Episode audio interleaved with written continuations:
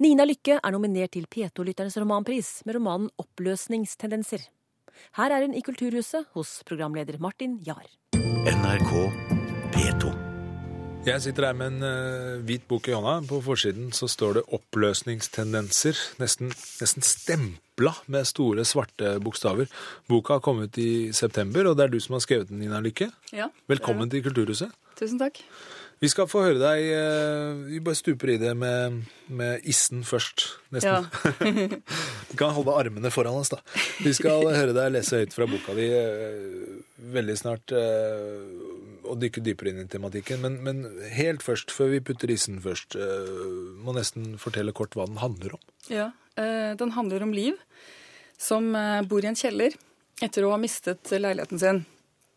Fordi hun var Altså, hun har satt seg veldig i gjeld sammen med en fyr hun var sammen med. Og, og, så har leiligheten røket, samtidig som hun da sitter igjen med gjeld. Sånn som veldig mange opplevde på 80-tallet, at de satt igjen med gjeld, men ikke med leilighet og sånn. da.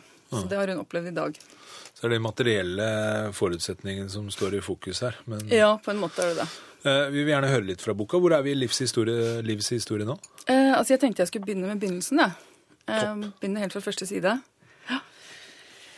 Eh, jeg våkner i fulle klær. Jeg ligger på siden på en slags lav madrass, åpner øynene og stirrer ut i rommet. Lavt under taket, mugglukt, røyklukt, kjeller. Litt lys inn av et vindu. Dette er hjemmet mitt nå. Jeg har mistet alt og bor i en kjeller. For en stund siden flyttet jeg hit med en gryte og en panne og en sekk med klær. 100 kroner dagen er mitt budsjett. Det var det som ble bestemt. Sånn skal det være til gjelden er betalt. Men jeg har mat og tak over hodet. Jeg har fremdeles tak over hodet. Når regnet trommer på den lille vindusruten ut mot den gjørmete bakhagen, kan jeg sitte her og tenke på at jeg har tak over hodet, og at jeg ikke er død, i motsetning til han som bodde her før. Jeg er et puslespill som faller fra hverandre hver natt og må pusles sammen igjen hver morgen, og den neste brikken som skal på plass er drakk jeg i går? Svaret på dette har i det siste vært ja. Polets billigste hvitvin heter Kuma og koster 74,50 for en flaske. I det siste har jeg drukket en del Kuma og ligger derfor etter med mine 100 daglige kroner. Som da jeg var liten og fikk en adventskalender med sjokoladefigurer. Allerede utpå kvelden den 1. desember var kalenderen flerret opp og alle sjokoladefigurene borte. Hvor langt etter jeg ligger, orker jeg ikke regne ut, men langs veggen i kjøkkenkroken står sekker med bønner, ris og løk, som jeg kjøpte i innvandrerbutikkene i begynnelsen, da jeg ennå hadde en slags fremdrift og var opptatt av antall proteiner og vitaminer per kubikkcentimeter og krone. Enkelte dager har jeg vært nede i fem kroner dagen i matforbruk, for jo mindre jeg spiser, desto mindre kuma trenger jeg for å bli full, men da får jeg til gjengjeld også diaré. En flaske kuma pluss bønner og ris er lik 100 kroner og diaré. Ja, takk. takk. Eh, her ble vi med ned altså i Livs bitte lille kjellerleilighet på Sagen i Oslo, der hun har altså havna et, etter et havarert ekteskap eh, og et forhold til, etter det jeg har også lest, en ganske koko mann. Ja. Eh, Vi kan begynne med et litt vanskelig spørsmål, så kan vi ta det lettere etter hvert. Eh, Hvem er Liv?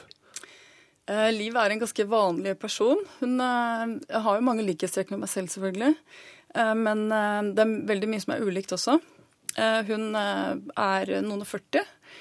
Eh, hun har et langt ekteskap, helt ganske rolig og fint ekteskap bak seg, og bestemte seg ganske tidlig for at hun ikke ville ha barn. Og så gikk mannen fra henne, og eh, så møtte Og så var det akkurat så raknet det eh, på en måte for henne. Og i den, i den runden så traf, treffer hun en, eh, en ny mann som hun ikke ser at er litt sprø, da. Eller egentlig veldig sprø. Eh, Fordi hun er ganske sånn bedøvet av den katastrofen hun har opplevd. Og så eh, raser det sammen for henne. Eh, Sånn som på en måte det kan for alle, mener jeg. Hvis bare forutsetningene ligger der, da. Ja, jeg blir nesten litt nervøs når du sier det. Um, eh, hvorfor vil du skrive historien om et liv som havarerer? Jeg syns jo det er veldig interessant. Jeg, jeg blir veldig sånn trukket mot sånne bøker selv. Eh, hva hvis eh, alt det vi Ikke alt, for hun har jo ikke på en måte havnet i noen sultkatastrofe eller noe sånt. Men hva hvis veldig mye av det vi lener oss til, blir borte? Hvem er vi da? Altså en slags sånn Robinsonade, da. Selv om dette er jo ikke det. Eh, Unnskyld, hva du sa?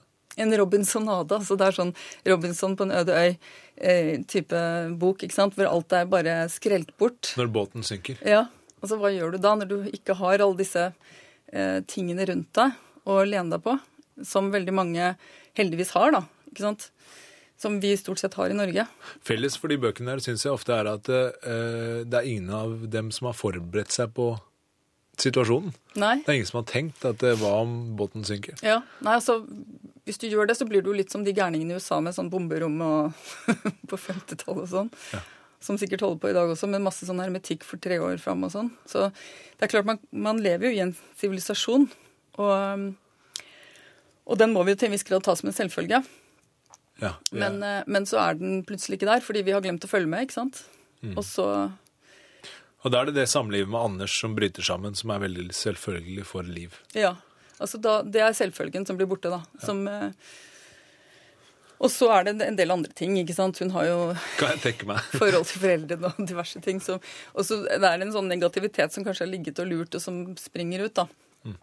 Det er mye negativitet, selvfølgelig, i og med at eh, det er Liv som rakner. Men det er mye komiske elementer i boka også. Ser når Liv bruker balsamen til den tidligere leieboeren som døde for egen hånd, og så kan hun konstatere at sjampo og balsam iallfall ikke hjalp han til å leve lenger.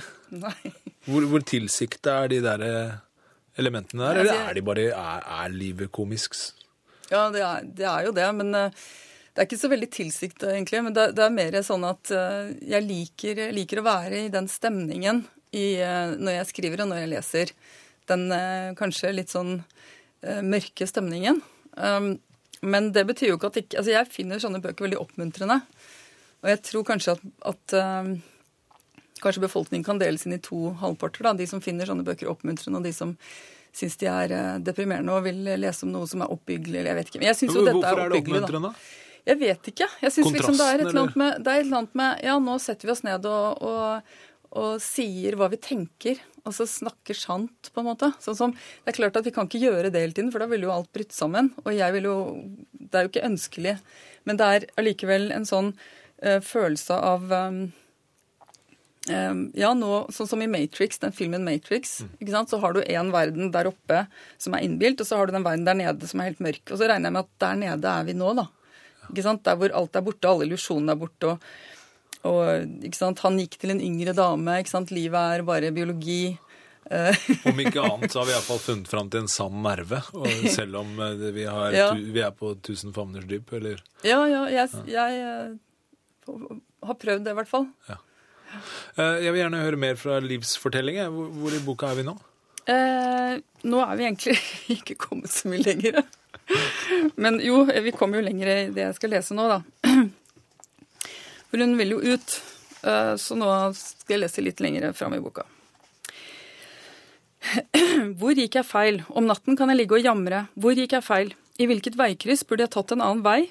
Men for hver dag som går, og for hver hendelse og samtale jeg tenker tilbake på, vokser mistanken. Samme hva jeg hadde gjort eller sagt, ville resultatet blitt det samme. At jeg ligger her i denne kjelleren og har mistet alt. Kan jeg lære noe av dette? Nei. Ville jeg gjort det samme om igjen? Nei. Men jeg ville gjort noe annet, noe tilsvarende og like dumt. Nå kan jeg sitte her og vite at jeg ikke skal la meg lure på akkurat den måten igjen, men det finnes jo så uendelig mange måter å bli lurt på, og angrepet kommer alltid fra den kanten der du ikke har satt ut vaktposter.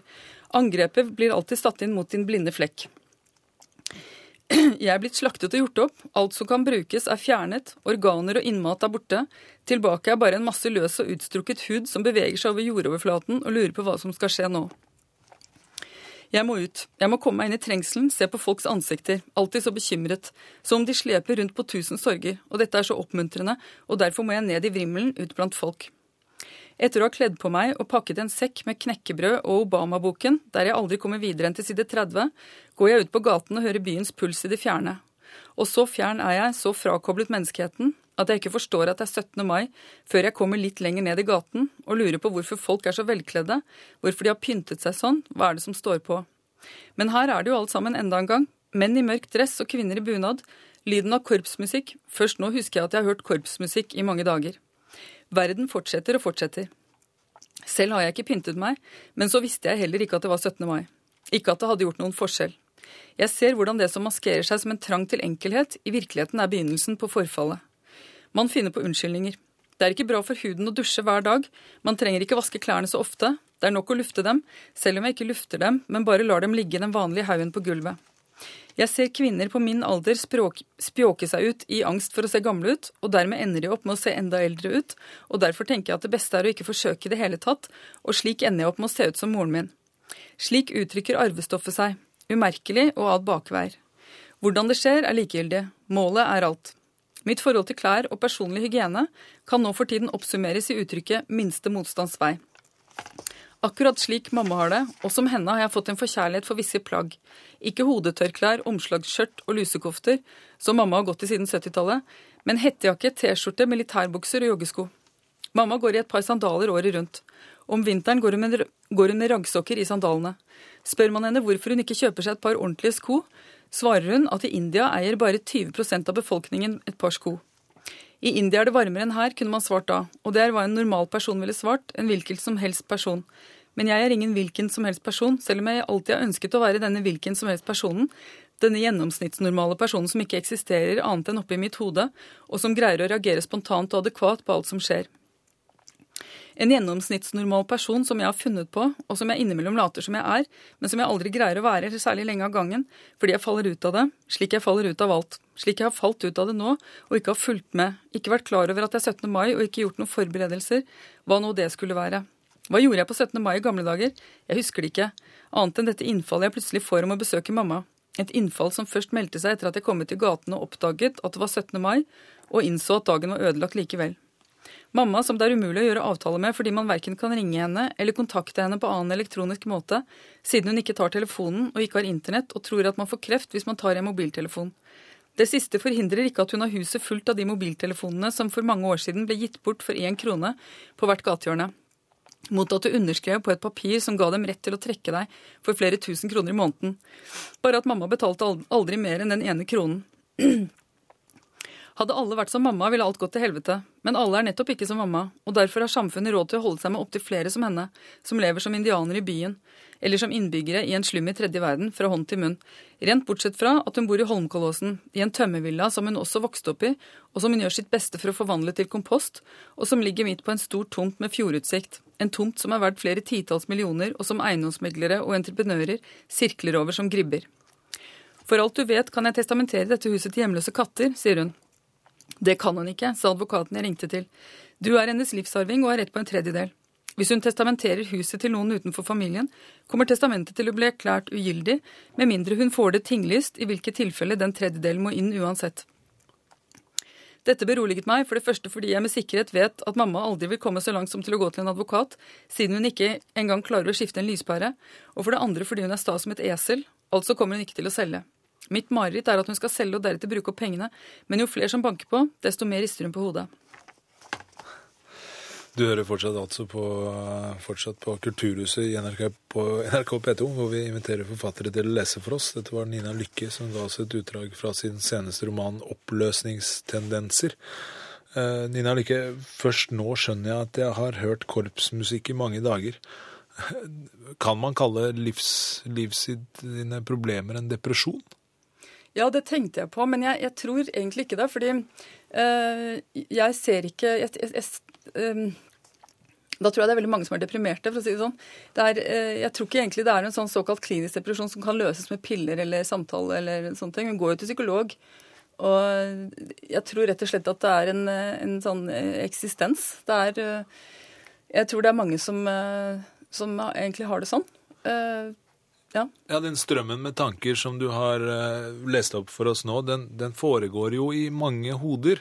Og det mm. Betyr det kanskje at den kliniske depresjonen ikke fins, eller? Eller iallfall ikke så jo, ofte som man skulle tro? Jo, det tror jeg absolutt den gjør. For det ja. fins jo folk som ikke greier å, å, stå opp av senga. Og det gjør jo hun her. Hun, hun er kanskje hun er rotete og hun drikker og alt det der, men, men hun, hun, drikker jo hvitvin. Og hun, liksom, hun er en sånn light alkis. ikke sant? Og hun er heller ikke altså Klinisk depresjon fins helt klart som en sykdom, men hun, hun, har kanskje Mange ville sagt at hun har depressive trekk, men, men, tankene våre er jo ofte flere spor. De går i flere spor, og, og da er det også et sånt spor som dette her. Som, som man liksom overdøver med andre ting, som f.eks. Altså da, at man prøver å tenke positivt. ikke sant? Man prøver å, å, å, å muntre seg selv opp, man prøver å trene, spise riktig, alt det der. Og så ja. Føler du at hun overdriver, da? sin Ja, ja, det gjør jeg. Hvordan da? Ja. Nei, altså overdriver. Tankene overdriver jo. Vi er jo. Jeg tror vi er ganske ekstreme i tankene. Eh, Men vi deler ikke den siden, fordi at, og gudskjelov for det. For hvis vi skulle gjort det, så ville det blitt ganske utholdelig. Men eh, dette er på en måte en sånn monolog inni hodet, ikke sant? Og da, og da er de filtrene borte. Og det er det jeg er interessert i å lese, og også skrive, som sagt. ikke sant? Og, og fordi at jeg syns det er spennende at eh, Og morsomt også at eh, eh, at vi er veldig rare, alle sammen. Ja, ja. ja, En rar beskrivelse som jeg syns var veldig fin. Du har en, eh, en beskrivelse midt inni her som går på uh, gjennomskuelse av eldre menn som gjør seg til, lener seg fram Ja, når de snakker ja. med yngre kvinner. Uh, og, så, og så sier hun at en, hovedpersonen her at det, det er så jeg har vært bak scenen og sett alle vinsjene. Det er ingen av skuespillerne som flyr på ordentlig. Eh, Hva er dette for en følelse? Og, og Ja. kan man glemme det synet? Ja, altså, ja, på en måte, men man må kanskje finne noen nye metoder da. Man må kanskje finne en ny tilnærming. For altså, hun har jo mistet illusjonene på ett plan. Og så må Altså, hun eh, har jo som sagt Altså, hun levd i et langt ekteskap. Og, um, og, og så ser hun kanskje at det var, jo ikke noe, det var jo ikke noe mellom oss, fordi nå er han borte. Nå har han gått. ikke sant? Han har gått til en yngre dame, han skal ha barn med henne. Eh, Hun trodde at han var enig i at de ikke skulle ha barn, osv. og så videre. Så hun, hun eh, syns vel kanskje at hun har sett at alt bare er eh, fysikk og kjemi og biologi og sånn, da. Ja. Eller at hun, at hun ja, det er vanskelig, det er, nå, nå merker jeg at jeg begynner å forklare noe som kanskje er litt sånn uh, vanskelig å forklare, annet enn bare med det, da. Ja, men hvor, ja, jeg vil gjerne ha råd som menneske. Ja. Hvordan, hvordan kommer man seg videre etter å ha sett bak alt dette? Jeg tror jo man gjør det innimellom hele tiden, ja. bare at du tenker ikke over det. Du ser jo folk um, Altså hvis man, hvis man vil hevde seg, f.eks. Alle har jo forskjellige måter å hevde seg på. Du ser jo det hos andre, ikke sant? men man ser det ikke hos seg selv før man liksom har eh, kanskje dritt seg ut. da. Altså man ser, man ser ofte andre, og så tenker man sånn skal ikke jeg gjøre, og så gjør man det i neste øyeblikk. ikke sant? Det er jo en måte å se, se og likevel være med på det. Man er liksom med på det samtidig som man ser hva som skjer.